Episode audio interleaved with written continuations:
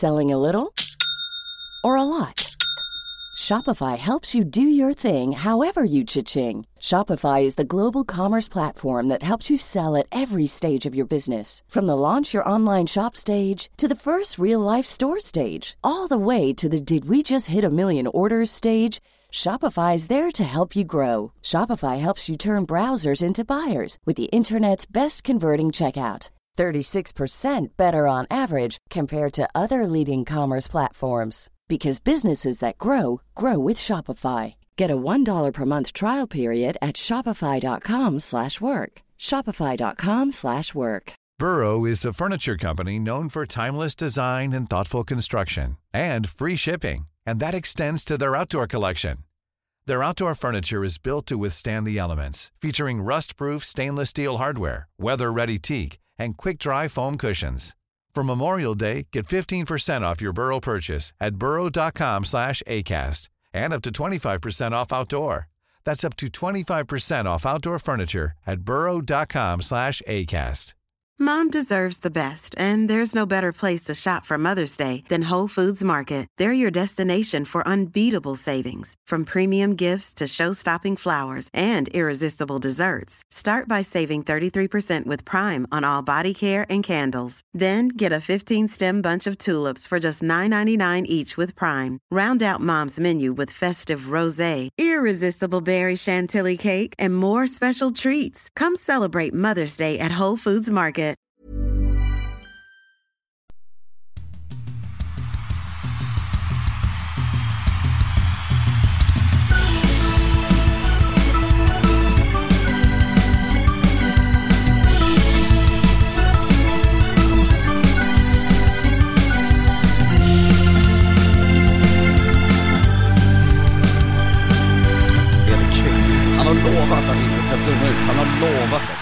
Jag sitter ju här och ler nu i alla fall Sinnevet. Men eh, Torsten Jag är glad att det är stängt och låst och täta treglasfönster. Nu är det över. Men det verkar ju inte vara något lag supportrar som är nöjda med gårdagen. Det skriks överallt. Ja, ja, men det är ju ny verklighet. Alltså, jag snackar om att, eh, jag menar det är ju, det är ju, det är ju sjuka summor som nämns på spelare som eh, inte alls var aktuella för liksom topplagen i Hockeyallsvenskan bara för några veckor sedan. Så det, det, det sticker ju ut. Jag frågade Fredrik, hur, vad är din erfarenhet av de här fönstren när du var i Oskarshamn? Alltså var det sån här hysteri då också, eller har det, för jag tycker att det har förändrats mycket. Ja, jag är nog beredd att hålla med dig. Det, det, för det första så var det ju lite tidigare ska vi komma ihåg. Det var ju sista januari, länge och väl. Just det. Eh, eh, och jag tror att de här veckorna har ju liksom, det är två veckor som gör att det blir panik. Paniken liksom ökat hos klubbarna, vilket jag tror i sin tur gör att supportarna kräver så mycket mer. Men sen är det väl en, en del av, är det inte så här också att det har blivit ett, förr kunde man läsa, i, alltså förr förr, så läste man i tidningen, jaha, köpte de en ny spelare igår, det var som fan. Nu sänds det ju liksom live, det var som jag skrev till er igår, det var en massa så här, lokaltidningar och, och poddar och Instagram och skit som hörde av sig och skulle ha kommentarer hela dagarna. Så Till slut kände jag bara, nej, för det, det, jag förstår ju om det är stora namn och ni som är fotbollskillar, det var flera som sa till mig, ja det är inte som fotbollens transferfönster, nej det är inte 300 miljoner pund vi säljer Anton Olsson från Skellefteå till AIK. Så att det, jag tror att det är förhoppningarna är för höga på hela den här karusellen. Mm, men det som gör i fotbollen är att det är två fönster som man bara kan värva under. Eh, Exakt. Här kan man ju värva under ett år, men det blir så jäkla påtagligt när det blir ett datum, de sista värvningarna ska in och det, ja, vilken hysteri det var igår.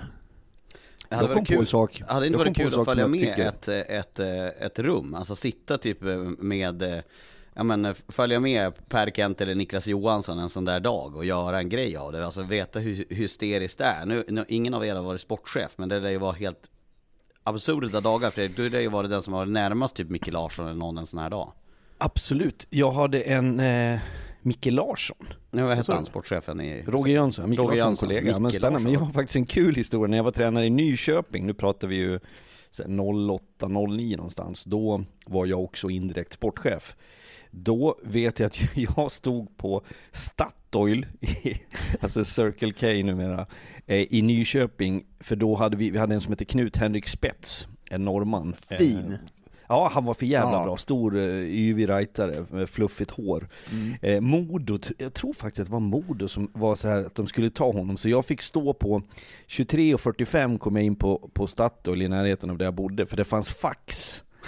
Eh, och då skulle de liksom faxa eh, som jag skulle skriva på då, men det, det rann ut i sanden och jag vet att jag, jag fick mig en kurv när jag gick därifrån men jag, jag, vart inte, jag, jag fick behålla Knut Henrik Spets. Så att, men det är hektiskt. Och, och för att bekräfta det, jag vet att våran producent David Olofsson jagade Niklas Persson som ska gästa oss i fredagskvällens sändning i en paus. Och då, då hade deras pressansvarige sagt att 55 av 60 minuter på timmen så att säga, så är han i telefon. Och det Mm. tror jag gäller alla de där. Så jag hade en sån här tanke igår att man skulle ringt någon sportchef och bara varit så här Ja men tjena Pajen, hur fan är det? Läget? Kommer du ihåg, kommer du ihåg när vi var uppe i Luleå när vi var juniorer sådär? Bara höra stress, lägg på, lägg på. Det är jobbigt när man får Ja, de här det- samtalen man inte kan avsluta eller när man, man, man, har avslutat själv samtal fyra gånger men det liksom fortsätter i en kvart ändå. Eh, jag tänker att innan vi ska gå in på transferfönstret vill jag ha en liten eh, eh, check också för de som lyssnar på det här är eh, väldigt intresserade av det som sker på isen också. Vi var ju på plats i Gävle i onsdags för att se Brynäs mot Södertälje Fredrik. Eh, och eh, det var, blev ju en väldigt tight hockeymatch där Brynäs drog det längsta strået till slut då i den här matchen. Vad, vad är dina tankar när de har, har fått 48 timmar? Jag söker fortfarande efter det optimala ordet, för jag, vi skojade ju lite om det där att vi alla var inne på att det var väldigt, eh, det var tillknäppt och det var kontrollerat och så verkte jag fram ordet behärskat och eh, det, det är väl det jag tycker jag beskriver det med och då, då menar jag att det var två lag som var väldigt noga i sitt försvarsspel, att man skulle vara samlade. Det var eh, kanske överraskande mycket spel i mittzon, vilket kan innebära att du också har en, en bra offensiv av det. Så att säga, om du, motståndarna går i fällan, tappar puckar. Och det såg vi ju situationer av, vi ser det på, på 1-0 målet, målet till exempel. Så att eh, jag tyckte att det var förståndigt spel. Det var kanske inte det där um, eh, liksom fräsiga eh, extrema individuella prestationer. Men jag tror att det är en försmak av vad vi kommer se lite längre fram. Och det som är slutsatsen är ändå att Södertälje tycker jag förvånansvärt bra stod upp. För mig var det tydligt att i avsaknad av Eriksson, Videll och Norbe så hade man inte samma offensiva knorr. Och därför så klarar man inte av när 1-0, 2-0 kommer att, att liksom värpa fram chans. Man missar ju för övrigt en straff också, den, den var svag i och för sig. Så jag det, tycker var, en- att det var Brynäs... en NHL, NHL 2023 straff som han försökte Ja det var det, och som. Johan Thornberg tror jag sa att han, han kladdade så mycket så att pucken blev oval. Eh, det kändes nästan så. Så, nu är du hårda mot honom, han lyfter han upp den där någon centimeter till så är den över plocken på Klara, så lite hårdare än mot Matteus där. Rappa dragningar i sidled. Han lyssnar inte på podden sa han. Det tror jag inte. För han, han letar fortfarande just- efter sitt TV4-abonnemang. Precis, har vi pratat om det i podden? eller? Ja. Jag tror inte, vi kan dra det lite kort Fredrik, dra den du. Ja. Ja men det var ju i Umeå, hans, var det första match typ, så ste, steg han fram till dig och mig när du skulle göra de här synkarna eller intervjuerna som man gör två timmar före match och så liksom, ja det är tv-folk i det här då, eh, jag pratar på svenska nu då, men då frågade han oss, eh, jag har lite problem att, få ett abonnemang, jag vill att mina, min familj där hemma ska kunna se, mitt kort funkar inte, och det är ungefär som att vi jobbade i kundservice på TV4. eh, men jag hoppas han har löst det nu för han har varit ganska bra. Vi sa att Emil Georgsson kunde gott och väl betala för ett abonnemang på TV4 som Gör du hattrick sa jag till honom då så betalar jag för ditt abonnemang. Fast han får en annan roll när Halestam har kommit in där, jag tycker ju Matteus har varit jäkligt bra som center. Nu när Halestam har flyttat ut på en kant, det blir en annan roll, det blir en annan dynamik och Ja, så det, det han, han måste hi- hitta sin roll där igen, men eh, till matchen så tycker jag faktiskt att, ja, det är en försmak på det vi kommer se i slutspelet. Det är så de kommer spela, stänga ner mittzon, och jag tror att det störde Brynäs lite att man inte kunde få hål på dem tidigare. Det, det var min fråga Dagen faktiskt till dig och Fredrik, för jag, jag upplever att eh, både SHL och Hockeyallsvenskan, liksom att det nu börjar dras lite grann i tyglarna. Att man börjar liksom dra ihop det hela. Det är inte fullt lika det, att folk går lika högt upp i banan, liksom folk faller tillbaka. Eran tredje gubben ni snackar om väldigt mycket, men det känns som att folk spelar mer ansvarsfullt nu när vi går in i sista liksom tio matcherna. Vi pratade om det där tidigt i säsongen, du och Fredrik, kanske inte i podden, men vi pratade mer om när går Hockeyallsvenskan in i mer SHL-stil? Eh, kontrollera försvarszon, inte överbelasta på samma sätt, gå ut med en, och det, det ser vi väl Södertälje och Brynäs göra på ett sätt här nu, liksom att man inte vill rusa bort sig i tidigt skede, och det, jag tror precis det där kommer man se, och, och då måste du hitta en argu- eller motargument, du måste hitta ett spel som kan föra matcherna på ett bättre sätt. Jag tycker Brynäs ändå gör det. Gjorde inte, eh, såg vi inte lite det av Djurgården också? Nu hade väl de lite samma läge liksom, att de försökte stänga ner mot Brynäs i den matchen som vi såg där för en vecka sedan. Men är det inte fler lag som kanske börjar dra sig mer åt det hållet? Men det är ju det här som är det intressanta och det är ju det som också är knorren med att slutspelshockeyn ser lite annorlunda ut. Jag tror att gemene man tänker att slutspel skulle vara grinigare, tuffare, elakare. Eh, och det må vara en liten faktor, men för mig är det snarare en fråga om hur du skruvar på spelet lite grann. Och det som gör det intressant är att väldigt få lag och väldigt få spelare klarar av att på kort tid gå från ett spel till ett annat och att det är med samma liksom, självklarhet. Eh, och här tycker jag att det är den klara skillnaden mellan Hockeyallsvenskan och SHL. Att, att det blir ett, en större förändring av själva spelet, inte hettan. Inte liksom det här täta, utan mer hur man ska välja och prioritera. Och därför kommer det bli en viss uppenbarelse för några av lagen att ni pratar motmedel, hur ska man hantera ett samlat Brynäs genom mittzon? Hur ska du spela mot ett lag som väljer att ställa om spelet si eller så? Och det är ju en härlig del av hockeyn att du får liksom fundera på hur få ut så mycket som möjligt av det manskap jag har. Sen är det frågan för dig, jag vet att Södertälje, jag tyckte man gjorde väldigt bra, och du kollar på kvalificerade målchanser så skapar man mer än Brynäs i den här matchen också, men det är frågan för om man har en målvaktssida till att inte ha Videll, Marcus Eriksson, eh, Norbe. Det, det kommer bli tufft om man ska spela på det sättet också när man har den målvaktssida man har.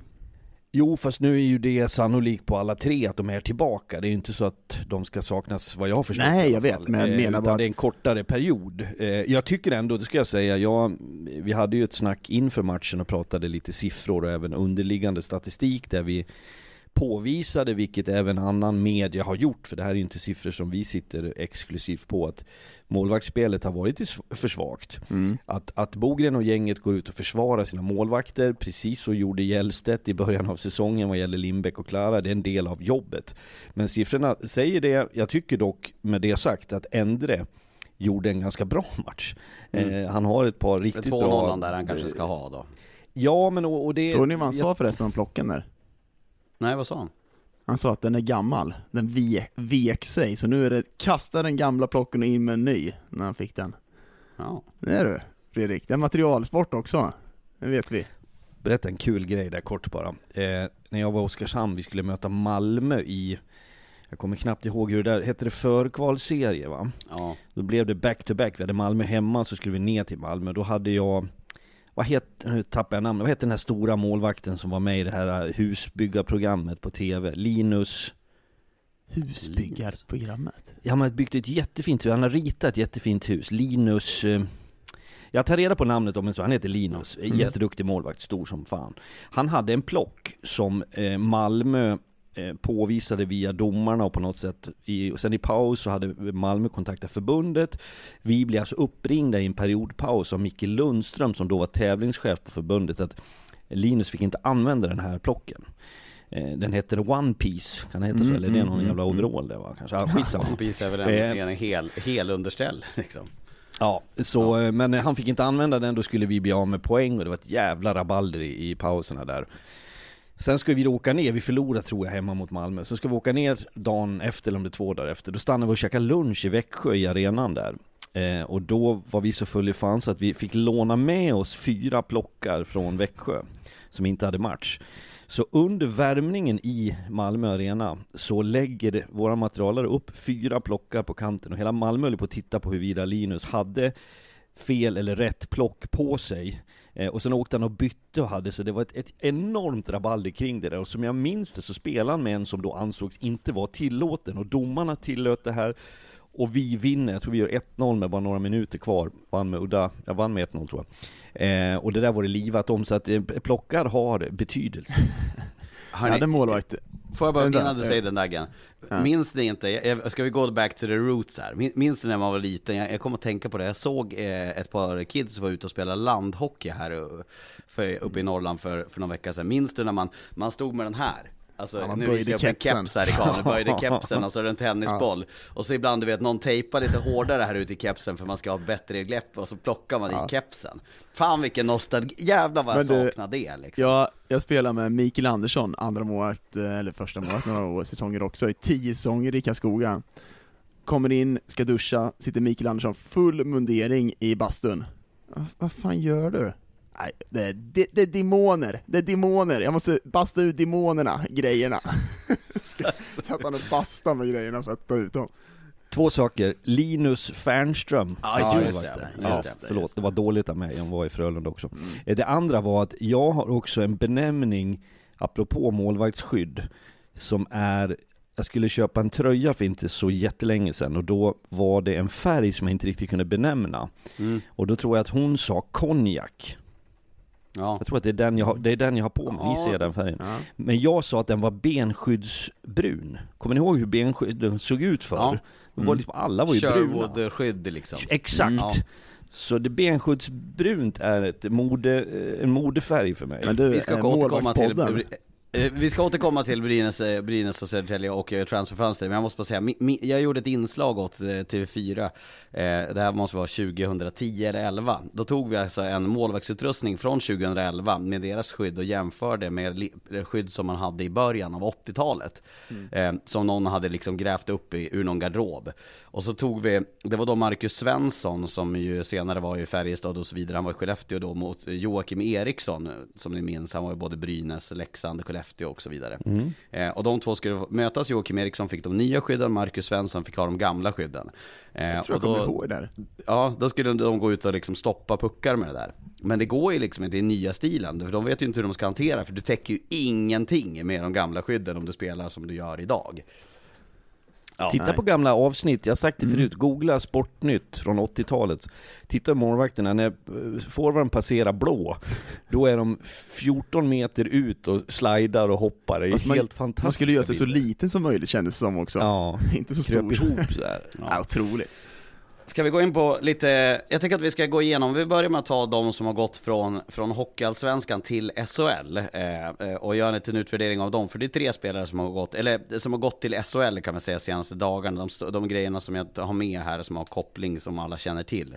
Om vi börjar med att Martin Johansson, eh, tidigare TPS, tidigare Örebro, tidigare Mora, tidigare Färjestad, nu ska spela för Oskarshamn. Eh, det, känns ju, det kändes ju som att jag, jag har inte hört det namnet på, ja sen, han var med i finallaget i Färjestad, var han med och vann för två år sedan? Men eh, vad tycker du om det, Martin Johansson till Oskarshamn? Ja, nej, det, ja, vi får se vad han kan uträtta. Han har ju inte spelat på hela säsongen, men det är såklart att det var en bra spelare på den här nivån förut, men ja, den känns ju, den känns ju långsökt att han ska kunna in och förändra någonting i Oskarshamn. Och Alexander Ljungcrantz då från Almtuna, eh, går tillbaka till Färjestad dit han var, var tidigare under säsongen och han har, han har alltså varit ägd av Färjestad hela den här säsongen. Jag tror faktiskt vi var inne på det här lite kort i en podd här tidigare under säsongen. Eh, det har ju varit lite otydligt det där minst sagt, men Ljungcrantz är väl en ganska bra breddforward för, för Färjestad att få in. Han kommer ju att spela i Almtuna tills det att Färjestad behöver honom, så har jag förstått det. Eller Fredrik, har du hört något annat? Nej, det är den bilden jag har också, så att det är ingenting som jag ens blir upphetsad av att prata om. Eh, Att Men det är en spännande lite- spelare, ja. Ja, jag blir upphetsad av att prata om att Kyle Topping går från Västerås till Modo. Eh, vi har ju väldigt mycket, vi har ju faktiskt väldigt, väldigt mycket lyssnare i i Örnsköldsvik, även om vi pratar fortfarande mest om eh, Hockeyallsvenskan. Eh, men Topping känner vi till rätt väl, vi har ju sett honom väldigt mycket. Eh, vad, vad tänker du om den värvningen Daggen, om vi börjar först och främst att Kyle Topping går till Modo? Eh, att det är en ganska smal marknad. Eh, jag tycker Topping är en bra spelare, har gått ner sig lite på slutet men har gjort mycket av sina poäng utifrån och har bra skott men jag tror i SHL så måste du komma in i den där heta ytan och, och göra det. Men det, det är såklart en breddspelare för Modo som kan göra det bra, eh, men inte göra något underverk. Det tror jag inte på SHL-nivå. Fredrik? Nej men att eh, potentialen är där, att det finns något spännande över honom. Vi har sett honom hattricka någon match och vi har sett honom sticka ut lite grann. Jag tycker dock i sin helhet har han inte varit tillräckligt bra och det är en förklaring till att Västerås inte har varit bättre som lag betraktat. Sen ska vi ha med oss nu när vi pratar om de här äh, förändringarna, den faktorn som ofta har att göra med att du det handlar lite grann om vilken miljö du kommer till, vilken roll får du, vem spelar du med, hur spelas hockey, vad är det för ledarskap? Det är ju inte så enkelt så att man bara knuffar från en ett lag till ett annat och att det ser likadant ut. Så att det, såklart finns det någon nyfikenhet på alla de här förändringarna som har gjorts. Det, vi kommer ju snart till de interna, alltså sidledsförflyttningarna också i Hockeyallsvenskan som kan vara av intresse att se. Men jag håller inte Topping som någon som skulle kliva in och rädda Modo eh, från att inte behöva kvala. Alltså han kommer inte vara den som är skillnaden där, det är inte min tro i alla fall. Nej. Jag- slänger in lite frågor som vi har fått in här via, via Instagram. Då kommer in eh, intressanta eh, frågor. Gustav Nilsson frågar först och främst, när har ni lunch? För jag sa att vi skulle spela in det här vid lunch. Klockan är tio i två när vi bandar det här. Eh, men eh, eh, vi ska komma in på värvningarna. men jag tyckte att den här var en kul spaning från Magnus Blomgren. Som skrev så här, har Scan gått in som huvudsponsor i Vik i och med att tidernas slakt har gjort av en svensk trupp? Men vad säger ni om Västerås då? Alltså, jag, jag förstår att det här är en jäkla vattendelare. Eh, vi, vi har ju varit inne på det här. Ehm, eh, att, att liksom, ska man verkligen... Jag tyckte det var konstigt att man tog in Niklas Lundström. Det, det gjorde jag tydligt i, i onsdags. Men Fredrik, vad tänker du om det här att Västerås eh, ja, men säljer av egentligen ganska mycket? Av offensiven i alla fall. I grund och botten handlar det ju om att man erkänner sig besegrad. Man, man har inte haft en, en tillräckligt bra säsong och man har svårt att se att under rådande omständigheter så kommer inte vi ta det det egentligen i slutändan handlar om, en SHL-plats. Och det kan jag faktiskt tycka är lite förståndigt. Sen förstår jag att det handlar om, om eh, respekt och det handlar om heder nästintill, alltså att klubbkänslan, vad du ska stå för som klubb och att som man, är man supporter till Västerås så så tror jag att det kan kännas svidande och på gränsen till förnedrande, tänker några. Andra har det resonemanget att okej, okay, vi släpper ett antal spelare. Jag hörde en siffra på, på stora pengar på Mingoya till exempel som gick till Vålerenga i norska ligan. Och kan du då hantera pengar nu som du har nytta av om du ska starta om och bygga om så kan jag ju förstå det. Men, men eh, jag skulle tänka själv som tränare om jag var Karl Helmerssons skor att det skulle ju vara en signal, ett signalvärde som inte är något bra. För jag tror inte att man ska räkna det med att de de har släppt kompenseras av det de tog. Utan det här är ju ett, ett, ett, ett minus så att säga i, i det sportsliga. Men vad gör det för skillnad mot till exempel ett Västervik som säljer av spelare? Ja, men, jag, får jag säga vad jag tycker? Bara? Jo men, Ja. ja. Jag tycker att det, det det säger är, alltså det engelska uttrycket 'cut your losses' är det bästa jag kan komma på.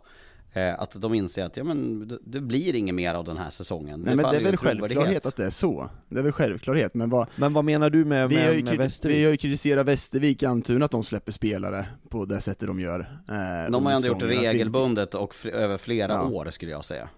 Det är väl Skillnaden för skillnaden. mig, eftersom du frågar, det är Mm. att Västervik går inte för en SHL-plats. Eh, Det gör Västerås. Och Västerås har insett att där vi står nu, man utvärderar det manskap man har. Man sitter på en, i sammanhanget, ganska hög kostnadsbild. Du kan få avsevärt mer för Mingoya än du får för en kanske en spelare i Västerviks trupp som den ser ut nu. Så, så kan jag förstå att man tänker att då är det ett sätt att plocka pengar. Men jag tar inte ställning till jag pratar egentligen bara från den egna erfarenheten att det skulle vara ett signalvärde om jag var tränare. Däremot så har vi pratat här om att vi har supportrar där vissa tycker att det är helt rätt. Och andra tycker att det är eh, skamligt. Ja, jag, jag, jag, jag köper, alltså jag förstår varför man gör det i Västerås, jag tycker fortfarande att det är jäkligt tråkigt och jag tror det skadar Västerås klubbmärke och, och framtiden också lite med supportrar och allting, det man har kommit för sportsligt. Men det är väl alltså. det vi säger? Jo, jag, jag, jag, jag bara fyller i. Eh, att jag tycker att det är riktigt tråkigt där man hamnar i och det, det är inte där Västerås ska vara och det är totalt misslyckande av det här lagbyggandet. Och sen förstår jag inte att man tar in två finnar och en målvakt utöver det, för att man ska liksom på något sätt kompensera upp någonting. Nej, det kan jag inte heller förstå. Då kan man mer ge en junior den chansen. Men eh, får jag ställa frågan så här då?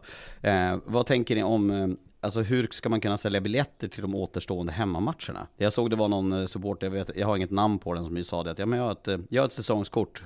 Eh, är det någon som vill ha den så kan ni ta det för att jag har inte tänkt gå dit. Jag tror att det är så här att kvällens match mot, är det Östersund va? Mm. Är en så kallad enkronas match eller gratis match, man har olika namn på det där.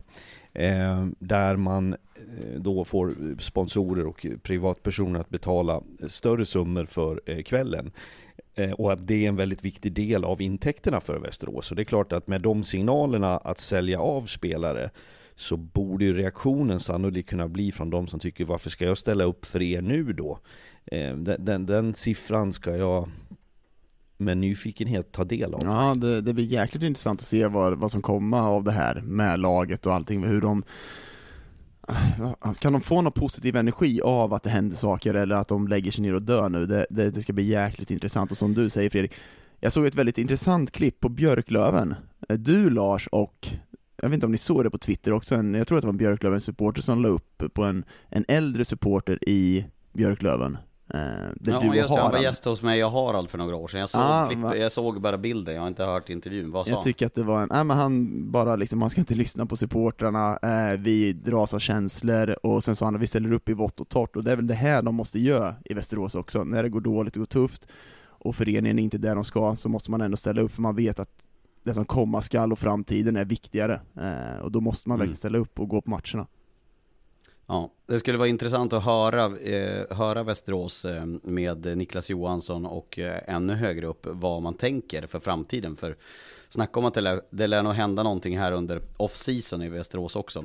Eh, jag tänker vi kan ta lite frågor om de just spelare som har gått från Västerås då. För eh, Sätermannen 14, Mikael Låberg eh, med flera är det som har frågar. Eh, Kaggebagge frågar om topping. Det är många som frågar om Hutchison till AIK som ersättare då till, eh, till Konto som är skadad resten av säsongen. Eh, Hutchinson blev ju skadad Fredrik, du minns eh, sista matchen innan jul där mot eh, var mot Mora hemma va, när han vred knät. Han har ju inte spelat sedan dess. Eh, vad, tänker, vad tänker vi om Hutchison till AIK? Men jag, jag, känslan är, jag, jag, jag paketerar, jag gör det enkelt för mig att säga att de här Västerås-importerna som har släppts håller en bra nivå och kommer vara en tillgång var de än har hamnat. Däremot så tycker jag inte att det är någon, och jag tror inte att det är tänkt så heller att det är att du ska sticka ut när vi har pratat om hur, hur tunn marknaden är. Så att eh, jag vet inte hur snabbt han är spelklar. Är det... Jag tror att han är fortfarande skadad, eh, Hutch, eh, Hutchinson. Okej. Han har ju varit skadad 15 matcher, men det, det som de får i AIK är ju en, han är ju en av de bästa framför mål i powerplay och i 5 mot 5, så där är han ju stor stark. Men sen så tror inte jag att han, jag tycker att han är för trögfotad för att spela center. Eh, och där kan de brista lite i försvarsspelet, men alltså, det här powerplayet, att ta in honom med den här tyngden så kommer han göra mycket poäng. Han har gjort mycket mål framför mål där, så det, ja, det kan vara en härlig rekrytering inför slutspelet när det behövs lite tyngd. Eh, Vi kommer tillbaka till AIK inför kvällen, men jag måste bara få fråga, alltså AIK, snacka om viktigt i onsdags. De fick alltså tillbaka Bibå, de fick tillbaka Fitzgerald som gjorde två mål i sin första match.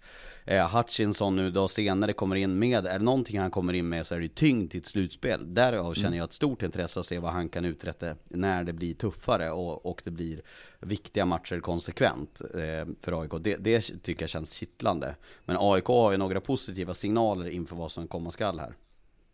AIK är ju Den här delen tycker jag är relevant att fundera lite grann över när det börjar närma sig slutspel, hur du tar dig in i ett slutspel.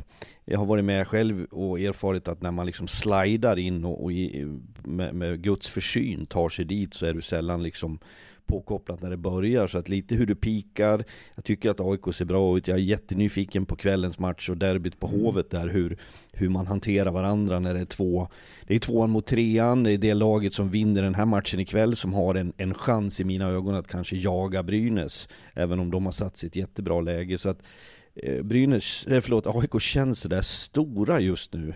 Trots att man har saknat folk en längre tid så tycker jag att man spelar tufft och rejält. Det finns en kaxighet som jag värdesätter också. Och får man då fylla på med folk som, det gör ju inte AIK sämre. Nej. Nej. Jag tycker de har Eh. varit, om du kollar på de sista tio matcherna, tycker jag de har varit konsekventa i sitt sätt att försvara utan puck. Alltså hela tiden möta femman, eh, trygga i försvarszon, går ut ganska hårt med första, men så mycket mer konsekventa i det försvarsspelet utan puck, och det har varit, då är de också ett av seriens bästa lag de senaste tio.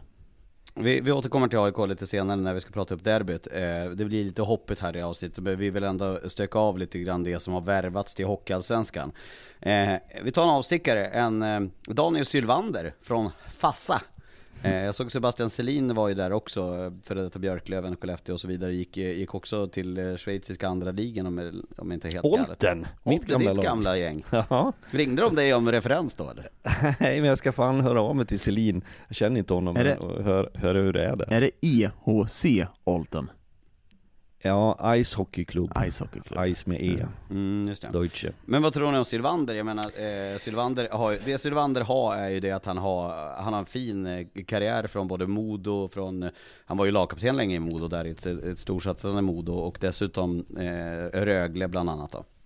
Jag uppfattar det som en hyvens kille. Jag har varit på middag hemma hos honom när jag fick resa runt och äta med lite hockeyfolk och snacka. Ehm, har ju en sån eh, familjär personlighet. Eh, jag tror inte att det är något spektakulärt de får, det är inte någonting som är omvälvande, men jag tror han kan förstå hockeyn Tommy Samuelsson vill spela. Jag tror att han kan kliva in och vara en, en en, en som gör Nybro lite solidare i den här slutspelsjakten och, och skulle man ta sig till åttondelsmatcher eller till en kvartsfinal så skadar det ju inte att ha svensk eh, rutin och eh, trovärdighet men no, särskilt fräck är han väl ändå inte. Nej, men eh, det känns som en bra lagspelare att ha liksom, Ja, när det stabilisera upp det hela. Inför ett slutspel har varit med där förr liksom, och jag tror Tommy Samuelsson känner trygghet i liksom vad han får in där. De har ju en rätt rejäl skadesida där också i Nybro. Men Eh, får jag fråga en sak? Filip Bratt där ska jag säga, det är väl Jesper Bratts brorsa som var, han var väl i AIK en sväng och sådär. Får jag fråga en sak? Jag var i Nybro och jobbade lite med mitt andra jobb, eh, och då hade de medlemsmöte i Nybro. Och min känsla var att väldigt, väldigt negativt från en stor del av supporterna över Nybros säsong. Va? Ja men är inte det så enkelt så att du har förklaringen alldeles strax då? Få höra nu. Kalmar. 3, 2, 1. Kalmar. Kalmar? Är det De det? ligger efter Kalmar, de har förlorat mot Kalmar i derbyna, vilket gör att det blev en negativ. Men för mig, alltså jag är, både Kalmar och Nybro har verkligen imponerande säsonger, och att man är att man har ändrat perspektiv från att vilja vara kvar i ligan till att man tänker att man ska vara med och slåss om en 6, 5, 4 plats i, i Hockeyallsvenskan. Det Ja, jag, förstår, jag förstår att man liksom dras med att det har gått bra den här säsongen, men för mig har Nybro överträffat alla förväntningar den här säsongen. Ja, de får ju satsa på att eh, om möjligt då nå den där sjunde platsen som Kalmar har nu. Det är ju bara en poäng upp till Almtuna som är, sju, eh, som är åtta. Eh, och sjunde platsen har ju, har ju Kalmar då eh, på 66 och de är två poäng bakom där så det kommer ju bli ett race. Eh, vi tar några fler nyförvärv också. Eh, där Djurgården tog in eh, Kalle Lopponen från Västerås. Det kände eh, inget ont mot Kalle Lopponen. Men jag tror att att döma av västeråsarna så var de inte helt missnöjda över att släppa honom. Eh, och jag har inte riktigt sett den uppsidan eh, som Djurgården har tagit in. Men då behöver vi bredda sin backsida. Vad tänker ni om den? Alltså, vem har varit bra i Västerås? Alltså, det är såklart att det är Fair svårt point. att vara bra i ett, eh, så katastrofala som Västerås har varit, men det är bra skridskoåkning, eh, bra med pucken, kan säkert få ut någonting mer än han har fått i Västerås, för där han har ju fått noll och ju knappt spela på slutet här också, så det är en win-win för båda. Kan man få någonting, och jag tror när Ytterell kommer tillbaka så, så breddar man ju backsidan på ett bra sätt. Selling a little or a lot?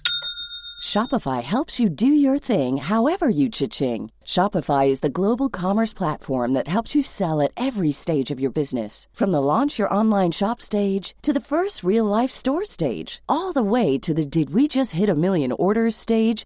Shopify is there to help you grow. Shopify helps you turn browsers into buyers with the internet's best converting checkout. 36% better on average compared to other leading commerce platforms because businesses that grow grow with Shopify. Get a $1 per month trial period at shopify.com/work. shopify.com/work.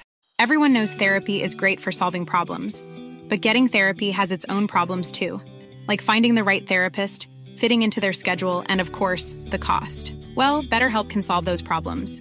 It's totally online and built around your schedule. It's surprisingly affordable too. Connect with a credentialed therapist by phone, video, or online chat, all from the comfort of your home.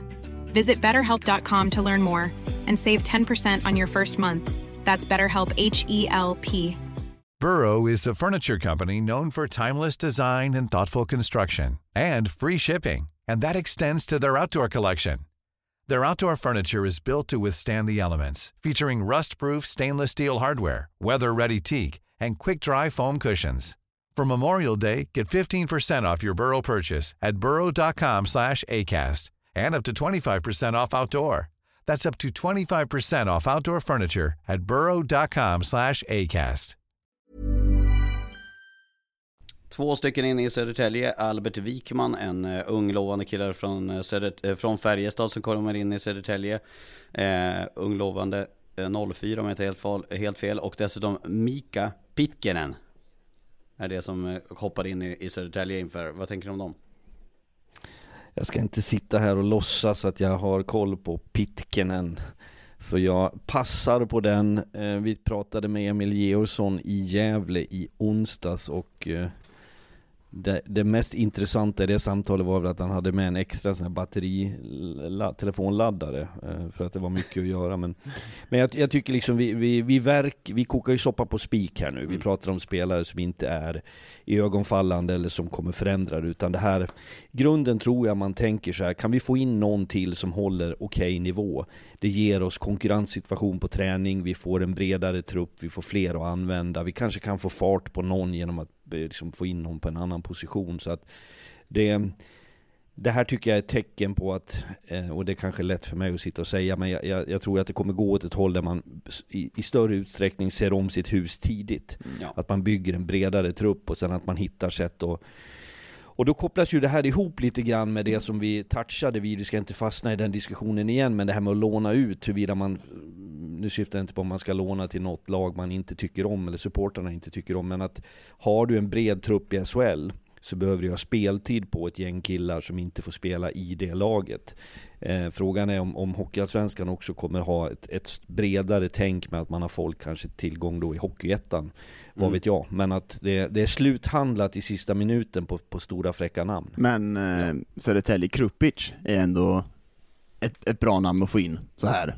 Eh, som inte, tillsammans med Lupponen har ju knappt fått spela. Det känns som en bra, upp, bra uppsida där känns det som. Han verkar ganska nöjd att komma också när ni intervjuade honom. Zlatan. Ja. Zlatan. Lät som Zlatan när han pratar. Ja, våran, ju... våran, eh, våran bildproducent eh, Emir Haspic eh, som, som var bildproducent i den matchen, han sa att det är eh, de två, elit, la, de två elitserierna, alltså SHL och Hockeyallsvenskans enda, som har koppling till Bosnien. Och Emir är därifrån. Han är också kanske TV-Sveriges mest hetlevrade människa. Han, han, är en sån som, om, han är inte så lågmäld. Han är en sån som om lyssningen går sönder, att vi inte hör bussen, så behöver man bara ryta till lite grann så hörs det genom vägg och publiken då. Men det, nog om det. Eh, några som faktiskt har värvat eh, och finska namn, det är ju Björklöven som har tagit in Saki Hemmeleinen från Pelicans och Lenny Kilinen från, även det, Pelicans. Eh, så Per Kent Tycker fick... det var ett härligt namn. Lenny ja. Killinen. Lemmy. Men han har inte så busiga siffror. Han är ju den fysiska spelaren som, som åtminstone rent kroppsligt av de två. Eh, Hemmelainen. En li, liten pajsare.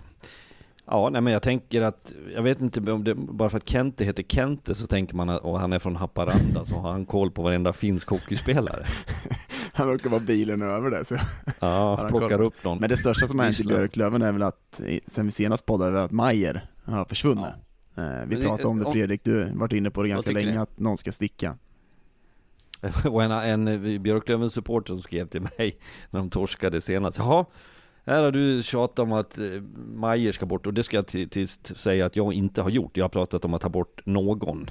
Sen vill jag säga att det var Lars Lindberg som sa eh, Majers namn en gång i tiden. Det var bara ett exempel, det var inte så att ja, ja, Du ser vad som händer nu Lars. Jag skyller inte ifrån mig nu, men den här supporten tyckte, jaha, ja nu fick du som du ville och inte fan vann vi. Vad är nästa steg? Jag, jag tror att han gjorde det med lite kärlek, men eh, det är ju också ett sätt att agera på i slutändan. Mm. Ja. Men eh, ni tycker att det var ett rätt beslut att skicka med er? Alltså, det vi har sagt, eller det, Fredrik, du har ju varit inne på det, att det rör om i gruppen, det ändrar gruppdynamiken.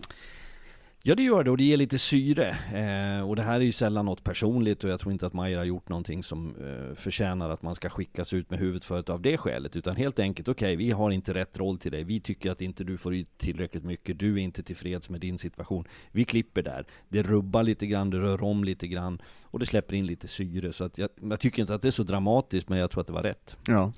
Men de är ju för små, de är för svaga mot kompakta försvarsspel och det var därför jag var lite chockad när de tog Hemmelainen igår då, men nu tog de in, jag vill säga Lemmy eh, varje gång, men han heter ju Lenny. Eh, så, Lenny. Ja, så nej men det, ja, för mig var det inte förvånande att man släpper honom. Fyra dubbelskrivningar som jag ville ha en kort kommentar på. Jag slog ihop alla fyra. Viktor Brattström eh, blir alltså registrerad i, i BIK Karlskoga.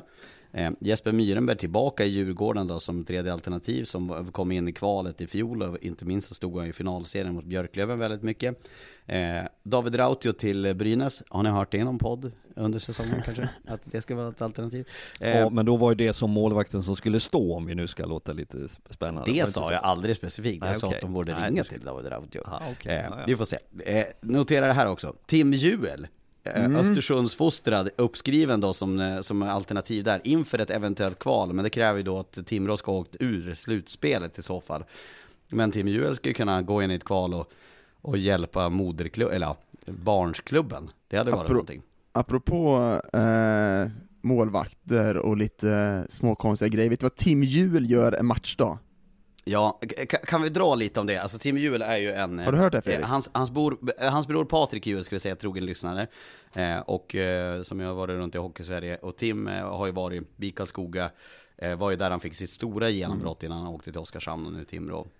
Ja, men Tim, Tim Juel är en fantastisk människa och en grym målvakt när jag spelar med honom i Karlskoga, men han har ju så mycket tics för sig och så mycket grejer, så när han var i Karlskoga så ställde han alltså, alltså över 40-50 larm på telefonen. Så på matcher så vaknade han en viss tid, och sen så var det 30 minuter till nästa, då låg han och kollade telefon i sängen i kanske 30 minuter eller 15. Sen ringde klockan igen, då gick han och åt frukost, åt han exakt frukost på samma tid. Sen ringde klockan igen, då gick han in och duscha. Exakt, Skalman eller? exakt samma tid. Sen gick han till hallen precis på samma tid, och sen gjorde han samma uppvärmning, samma grejer, så gick de här larmen under hela dagen. Det är fan målmedvetenhet och hålla Men får får jag fråga, eh, eh, jag ska återkomma till Tim Juel, men ni som har varit i hockeylag, man säger alltid att målvakter och trummisar, det är egna personligheter. Mm. Eh, är det en tes ni skriver under på? Ja. Ja, men det var mer förr. Mm. Det var nog mer förr, det är bilden jag får idag, att de har blivit som, som andra. Vilket är lite tråkigt, för det finns ju så många legendariska Ja, målvaktsberättelser genom åren. Mm. Eh, Tim Juel, eh, jag ska säga det. Var det inte någon bortamatch när han liksom ville ändra resschemat för att hans uppladdningar skulle bli störda om ni åkte på ett annorlunda sätt när ni var i Karlskoga? Han stod ju i den här episka eh, semifinalserien mot Björklöven när Karlskoga gick från 6-1 till 6-5 och Torell hade skottet just utanför i, i match 7. Tro mig Lindberg, tro mig, det hände mycket under Tim Juels vistelse i Karlskoga som var anmärkningsvärda, och det var en sak som han ville ändra. Jag skulle bara ändra, flika in där, han var ju faktiskt skadad då. Det, han var ju en av många som var skadade. Så det Ja. var ju, det var väl den gode Erik, nej vem var det som stod? Inte Erik Hanses, det var... Eh, det var stod? Stefan Sten. Granqvist va? Stefan Sten. Sten. Stefan Sten. Stefan. Stefan. Sten. Hörni, eh, då har vi gjort av eh, det med silly season och det man kan summera det hela var som att det blev en storm i ett vattenglas och det kanske inte är det som kommer att avgöra eh, sluttampen på grundserien. Eh, förstår jag rätt att det är ungefär det ni säger underbetonat? Ja. Bra summerat Lars Lindberg. Ja. Eh, hörni, då tycker jag att vi ska kolla till några grejer. Eh, och jag, jag tycker att vi ska först ta det som komma skall. Det är bara några timmar bort till ett Stockholmsderby mellan AIK och Djurgården. Tvåan mot trean i tabellen. Eh, en trepoängare här gör ju att ett lag får, eh, får en stämpel på sig som den stora utmaningen till om Brynäs på något sätt ska kunna tappa den här sjupoängsledningen i, i tabelltoppen. Så är det den som vinner idag. Vad tänker ni för kvällens derby? Nej, att jag har lite senaste derbyt i huvudet där jag tyckte att AIK stängde ner Djurgården ganska rejält och var ganska energilösa ett Djurgården vi fick se. Nu tycker jag senaste matchen, tittade lite på Djurgården senast mot eh, Tingsryd, lite att man vill liksom vänta på det som komma ska. Eh, jag förväntar mig att det är två lag som Nybro? sätter fart. Nybro matchen? Nybro, förlåt. Ja, eh, det är jag som sladdar lite. Nej men, eh, jag förväntar mig att det är Djurgården som kommer ut och vill ta eh, kommando lite mer. Eh, sen så det AIK som ligger på rätt sida och prioriterar försvarsspelet, men jag förväntar mig mer av Djurgården nu när man har fått tillbaka lite spel och Kryger är tillbaka, så ja, ja, jag är riktigt laddad. Sen tycker jag det är synd att det inte är supportrar från båda lag, för det tycker jag tar udden av det lite, eh, faktiskt. Det var inte samma sak sist, när Nej. Djurgården hade bara fans. Eh, det finns ju en, en, en, fakta som är intressant här. Av sju spelade derbyn på de här två säsongerna nu så har ju eh, Marcus Kryger spelat fyra. De fyra har Djurgården vunnit, de andra tre har AIK vunnit.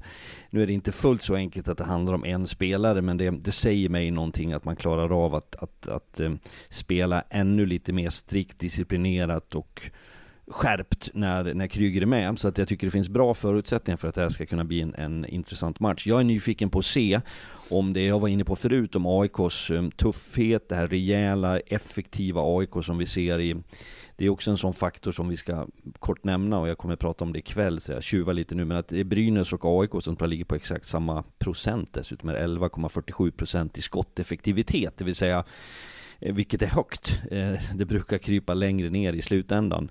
Eh, men det, för mig säger det att misstag från Djurgårdens sida så kommer AIK kunna vara effektiva och utnyttja.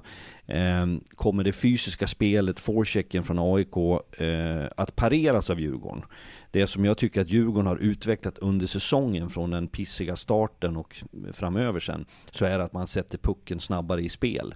Eh, Axel Andersson är en viktig faktor i det. Pontus Johansson när han var med tyckte jag bidrog till att man flyttade ner spelet istället var i AIKs zon där de har sina svagheter. Så det finns ju några spelmässiga delar som är intressanta.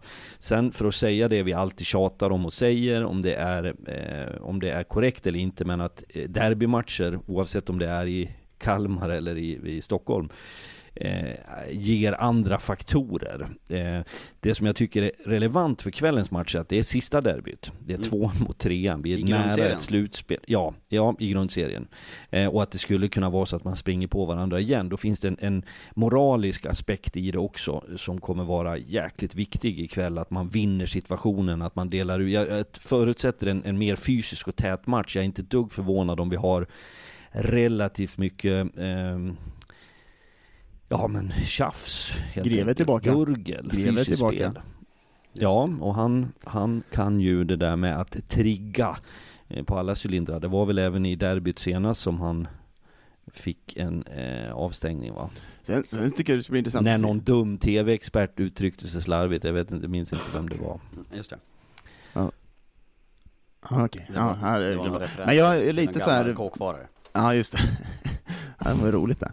Eh, men jag är lite så här på Djurgården också, jag tycker att man inte får fart i 5 mot 5 spelet riktigt. Jag tycker man har ett bra powerplay, bra boxplay, men de tar inte nu senaste matchen, de får inte liksom det övertaget i spelet 5 mot 5, vilket jag saknar lite, och det, det, det, ska bli intressant att se om man liksom kan få det och sätta sig lite bättre här in, inför slutspelet. Mm. Ja, Vad... det finns lite frågor som vi vill ha svar på ikväll. Ja, häftig match. 18.30 gäller för TV4, TV4 Hockey och TV4 Play för dem. Eh, jag tycker vi ska dra mellanskiktet här lite grann, för det är ju fyra lag som just nu innehar en slutspelsplats då som kommer att spela åttondelsfinal. Kalmar, Almtuna, Nybro och Karlskoga. Där Karlskoga fick slut på blödningarna i och med att de vann mot Västerås här i onsdags. Eh, det gör att det är fyra poäng som skiljer från eh, Karlskoga som är sista lag till slutspel just nu till Tingsryd just under strecket och Västerås finns ju med där också. Men vad tänker ni om de här fyra då som ju väldigt mycket talar för att de kommer att spela en åttondelsfinal nu även om Tingsryd och Västerås vill utmärka sig. Är det de fyra lagen där bakom eller vad tänker ni? Först tänker jag nog att jag hade gärna sett Kalmar mot Nybro. Ja, ja jävlar vad det, Snälla, snälla kan vi få. Ja, det hade varit en höjdare. Eh, nej men att, att eh, det, det såklart finns det en rimlig chans tycker jag, både om jag petar ner två platser till för både Tingsryd och Västerås att gå för det. Eh, sen har Västerås nu gjort eh, de här stora förändringarna som vi har pratat mycket om idag. Låt mig säga så här, jag är inte dugg förvånad om Västerås är bättre idag. Att det på något sätt, du, de som är kvar och att du, du mobiliserar en kraft. Så det, det, har vi sett, de möter Östersund och då tycker man att de ska vinna den matchen. De stänger åtminstone dörren neråt i sånt ja. fall. Ja, de kan ju avgöra eh, kvalet i princip om de vinner idag. Eller det har vi ju sagt länge att Östersund och Västervik kommer att kvala. Ja. Men eh, däremot de, de, andra lagen där, att Karlskoga eh, blandar ju och ger igen nu. Eh, vi var ju inne på att de hade en jättefin streak länge, sen vart det ett gäng förluster. Powerplayet, hade du någon åsikt om eh, Lars var i TV i onsdags? Dagge kastade mig under bussen där jag, släng, plötsligt. jag slängde Dagge riktigt under bussen. Han sa att powerplay inte var lika bra. Jag bara, "Du, nu gör de fyra mål i Ja, powerplay. men jag, jag var ingen, eh, ingen spå eh, kvinna som sa att i framtiden kommer det vara dåligt. Jag sa att just när de har förlorat de här matcherna så har inte powerplay varit riktigt bra. Men, Är de att räkna med? Är de att räkna med? Som du sa på Sain lugn för några veckor sedan. men det försvarsspelet i den matchen av Västerås, det var så undermåligt så det var, det var inga direkt att Karlskoga satte upp ett jäkligt bra powerplay, visst gjorde de, men det var också riktiga, riktiga tavlor från Hallonen och bedrövligt försvarsspel, pucktittande försvarsspel.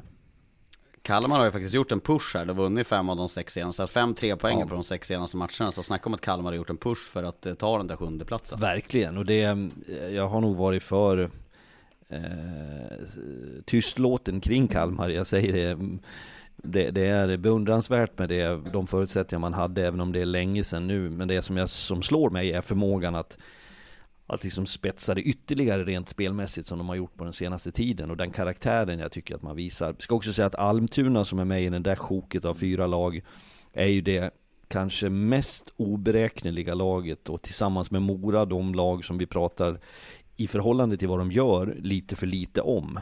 Ehm, men eh, sen är ju det där så intressant liksom, vem får vem? Vem tar vem? Tänk Ja, idag, bli det? tänk idag. Men vi hoppas på Kalmar Nybro såklart. Ja, men tänk-.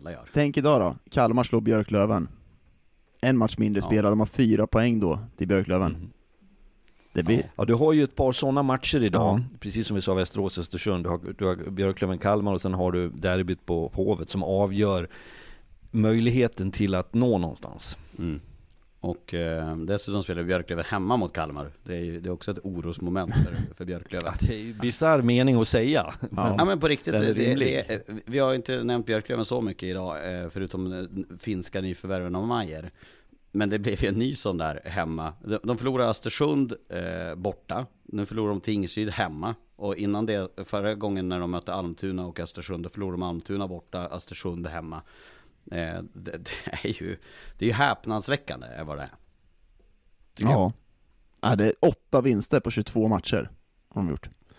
Du hade ju en intressant bild Lars, som du delar med oss i våran eh, TV-grupp jag Ja, säga. jag kan, jag kan dela den på, på uh, Ringsides eh, in, Instagram. Men, men det som är ju eh, noterbart från den är ju att eh, idag ska ju dessutom Björklöven gå upp i en duell mot eh, eh, det svenska rallyt i Umeå.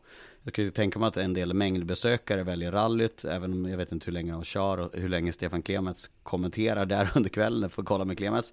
Men det var ju en markant nedgång i publik. Ni såg ju, det var en bild på ståplatspubliken med 5-6 minuter kvar till, till matchstart som jag hittade på Twitter. Eh, där det såg ju, ja men det såg ut som att det var en träningsmatch i, i åskådarantal på ståplats. Ja, och det här, jag vet inte hur mycket de här förlusterna skadar dem inför ett slutspel. Vi vet att de är starka mot topp 6, vi vet deras högsta nivå, men hur mycket de här placeringarna och ekonomiskt sett att man har presterat så dåligt på hemmaplan, vad det gör liksom inför ett slutspel och hur, det, hur den här turbulenta tiden har skadat den här gruppen. Det ska bli jäkligt intressant att se när de går in i ett slutspel och är nu närmare om de kan samla någonting som är bättre än vad de har visat upp. Ja. För de har problem mot kompakta försvarsspel. Är det det som är, har ni kokat ner det till liksom att det är det som är problemet? Det har vi väl sagt vid flertalet tillfällen, eh, vad jag kan minnas, att det är det som fortfarande är problemet. Ett problem mot uppställt försvar, kompakt försvar. Jag pratade med en tränare här för några veckor sedan som sa när vi mötte Björklöven så försöker vi locka ner deras backar i våran försvarszon och sen spela in den i mitten. Och de har ju pinchat bort sig väldigt mycket. De är ganska ivriga på att gå framåt, eh, vilket gör att det blir hål när de ligger på rulle sådär. Och sen, Jag, jag, jag, jag tänker att det är mer, eh, att det, det är fler faktorer än, än så. Eh, det handlar ju också om deras, liksom effektiviteten kanske i, i, på chanserna som man, på spelare som förut har levererat och, och med ett, ett tidigt mål. Vi såg till exempel, eh, för mig var den matchen mot Brynäs, nu inte det, det var mot ett topplag, men att att det finns en, en ängslighet i spelet som också gör att får man med sig tidig ledning, eh, kan spela på sitt konsekventa sätt, får, får mål när mål rimligtvis ska göras, om ni förstår vad jag menar, så får de matcherna dit man vill. Eh, och sen är det ju så här, den, den faktorn tror jag, vi sitter ofta och pratar om eller när vi pratar om de här spelmässiga delarna som naturligtvis ligger till grund för allting och det är det där försvarsspelen som de har bekymmer med och en del motstånd. Men det är också ett mindset, det är, det är en mental grej som har, har skurit sig. Det, det, jag tvivlar inte på att Björklöven vill. Jag tror inte att de har de signaler jag får där så är det bra humör i gruppen. Det är så sent som för några veckor sedan så, så vidimerade både spelare och ledare det att vi kör det bra tryck på träningarna. Men sen kommer du till en punkt när det också blir jäkligt stressat. Du känner av trycket och jag tyckte då Brynäs var på besök i Umeå.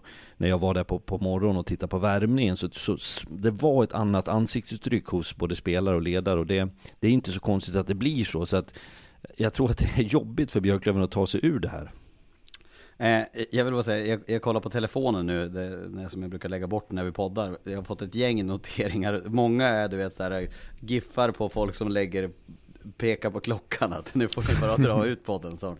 Så vi ska väl eh, konkludera här. Men eh, jag har fått in en fråga för två veckor sedan som jag har lovat att ta upp. Och det, jag tycker det var en väldigt intressant fråga som ni ska få från en trogen lyssnare som heter Alexandra Tomasson eh, som skrev en fråga här i början på februari som jag tycker eh, var intressant som vi ska beröra. Hon sa så här, tjena, jag har en fråga till podden. Experter nämner ofta att vissa föreningar har misskötta under många år och därför riskerar att ramla ut. Till exempel Brynäs, HV och så vidare. Vad menar man egentligen med detta?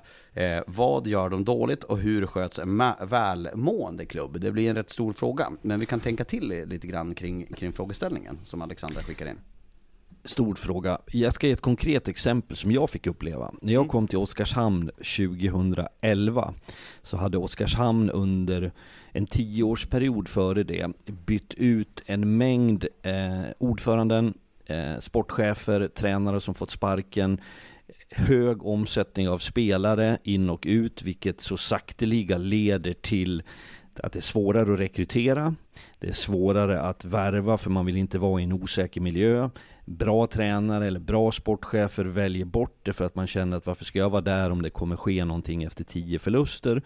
Eh, jag fick vara med om sex år i Oskarshamn med samma ordförande med samma eh, sportchef, med samma tränare, med samma eh, klubbdirektör. Eh, under de sex åren så gjorde vi jättefina resultat och vi hade några tuffa säsonger. Jag var med och vann väldigt många matcher i rad och jag var med och förlorade många matcher i rad utan att få sparken två år efter att jag lämnade så tog man klivet upp i SHL. Och vad är slutsatsen av det? Inte att det var min förtjänst. Men det klubben gjorde där var att du stabiliserade dig. Du fick en större trovärdighet, det var lättare att få sponsorer, få publiken, få rekrytera spelare, att vara i en miljö där, där det är lugnt och sansat. Det är vad jag menar med när det inte är korrekt skött. Mm. Mm. Förstod ni exemplet? Ja. Det är liksom en, en, en konkret... Eh, Stabil konkret ledning exempel. från toppen, helt enkelt. Ja, att du inte svajar för lite motgång och att du i medgång inte tappar omdömet, eh, kort och gott. Och det är väl det som har hänt i de här föreningarna som åkt ut. Det har varit kortsiktiga lösningar, in, ut, man plockar bort en tränare, tar bort den andra. Man hittar spelare, de här sista övergångarna man ska ha bara för att ha någonting. Det är ingen plan för vad du ska ha. Jag tycker Thornberg sa det ganska bra, ibland så på de här transferfönstren, att man, i sändningen då, eh, som ni hade senast, att man liksom, vad gör jag med gruppen? Vad gör jag med den gruppen jag har? Hur kan jag bygga de spelarna? Kan jag få ut lite mer av den här spelaren? Vad ska jag göra för det? Istället för att kolla man bara på lösningar och ta bort den spelaren och sätta in något nytt. Bara för att man tror det ska mm. vara lösningen. Och där har du ju ett problem som många klubbar hamnar i när det inte är tryggt lugnt, städat. I, i, ibland också vet jag att vi skojar om att klubbarna, det finns väl vissa klubbar även i Hockeyallsvenskan som inte bara en utan flera kommunikations, vad har de för titlar? Ja, typ kommunikationschef, typ ansvarig, ja, ja. kommunikatörer. Och det kan man liksom fnissa lite grann åt och tycka att men fan hur svårt ska det vara?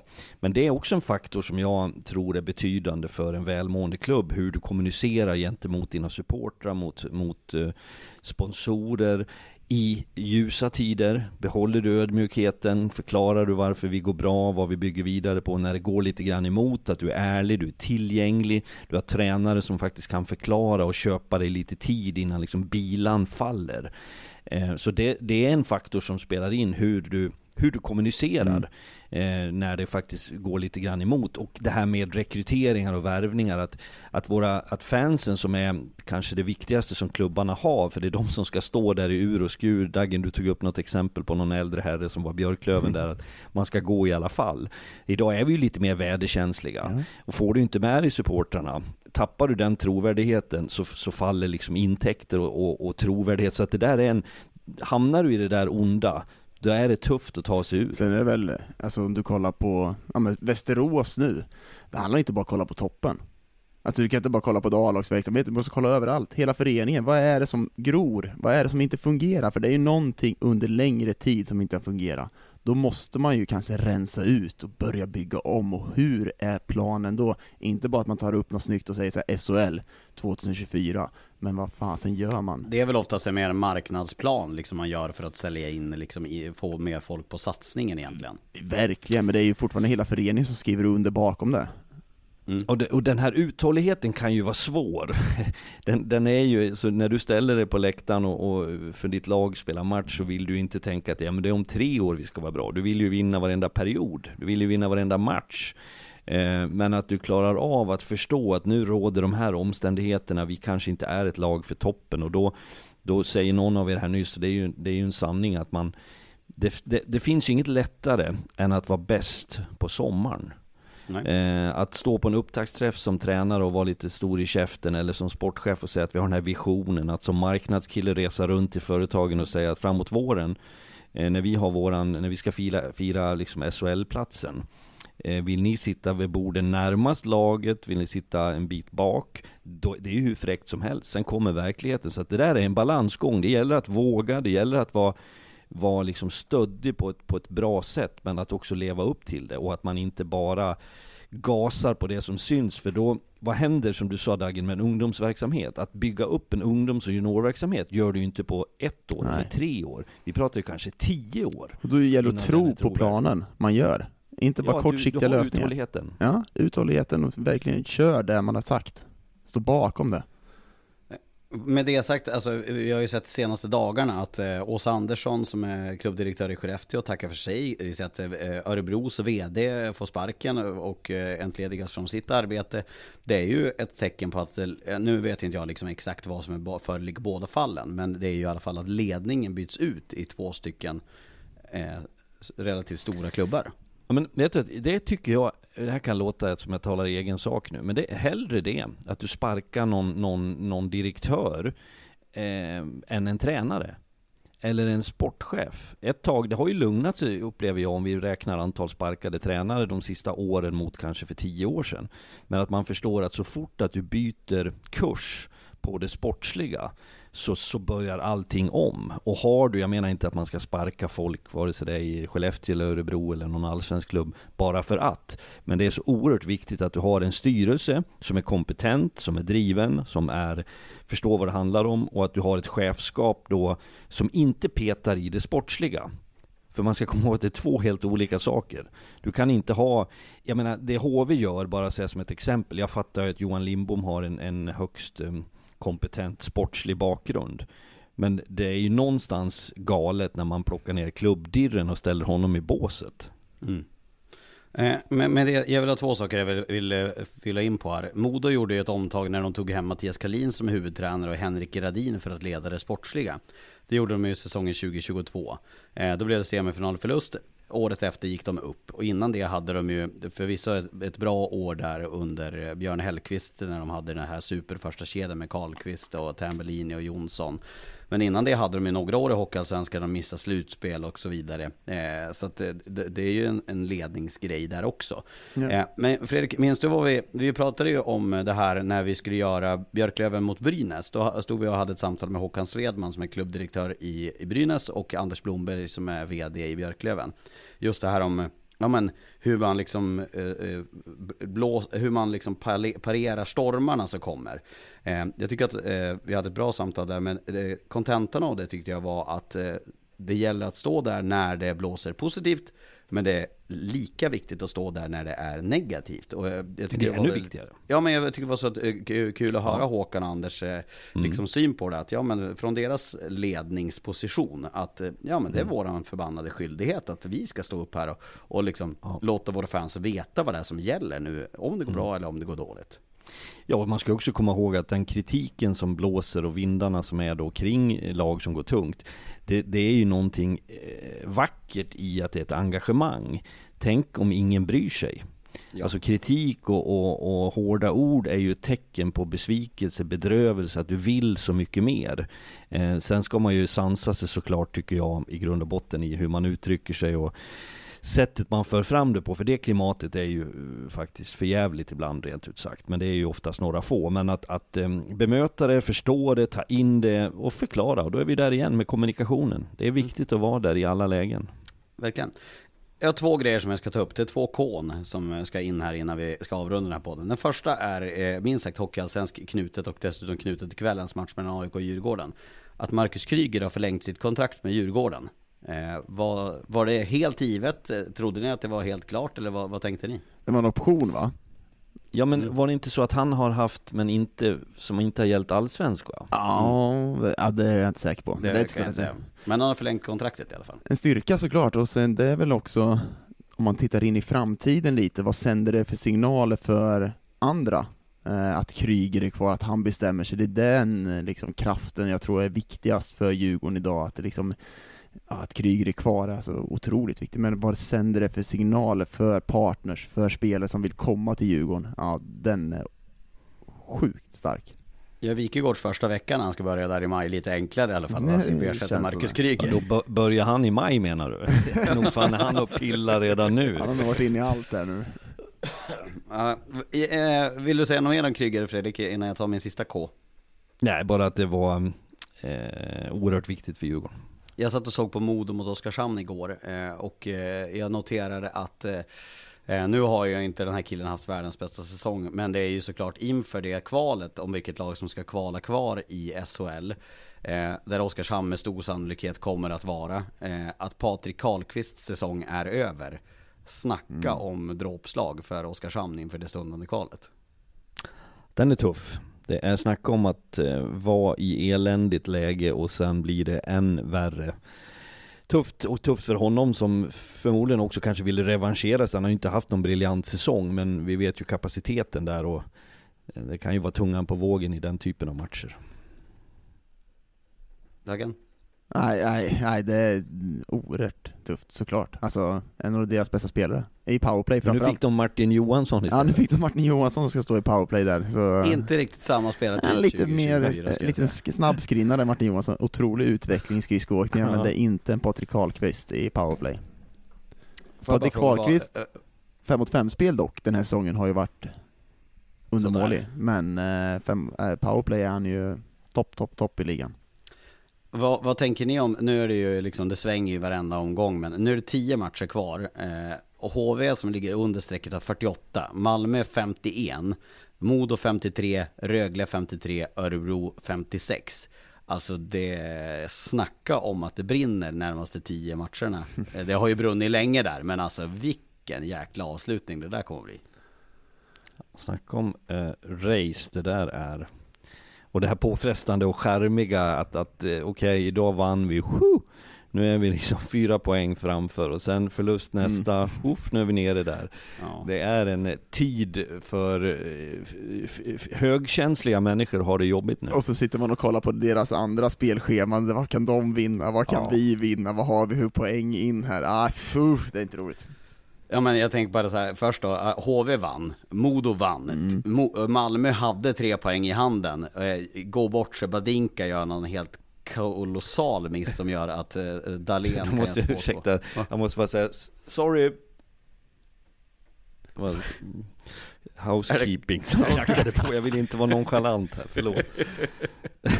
Han har ju Jag städning varje timme Fredrik när han är på hotellen. Nej det är hemma som jag har housekeeping Okej, på var Ja. Men du, en sista vi- grej. vi- vi- en sista ja, grej. En sista.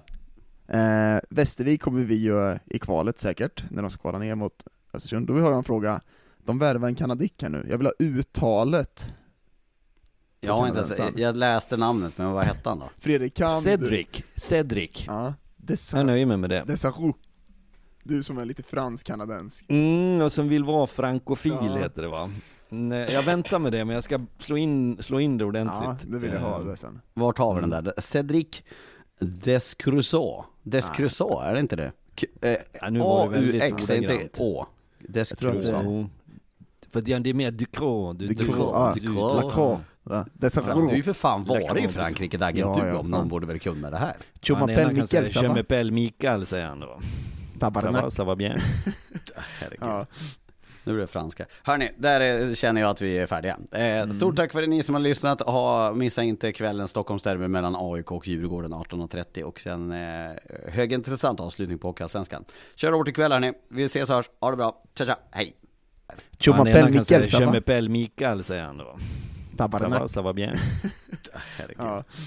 Nu blir det franska. Hörni, där är, känner jag att vi är färdiga. Eh, Stort tack för ni som har lyssnat. Ha, missa inte kvällens Stockholmsderby mellan AIK och Djurgården 18.30 och sen eh, högintressant avslutning på Hockeyallsvenskan.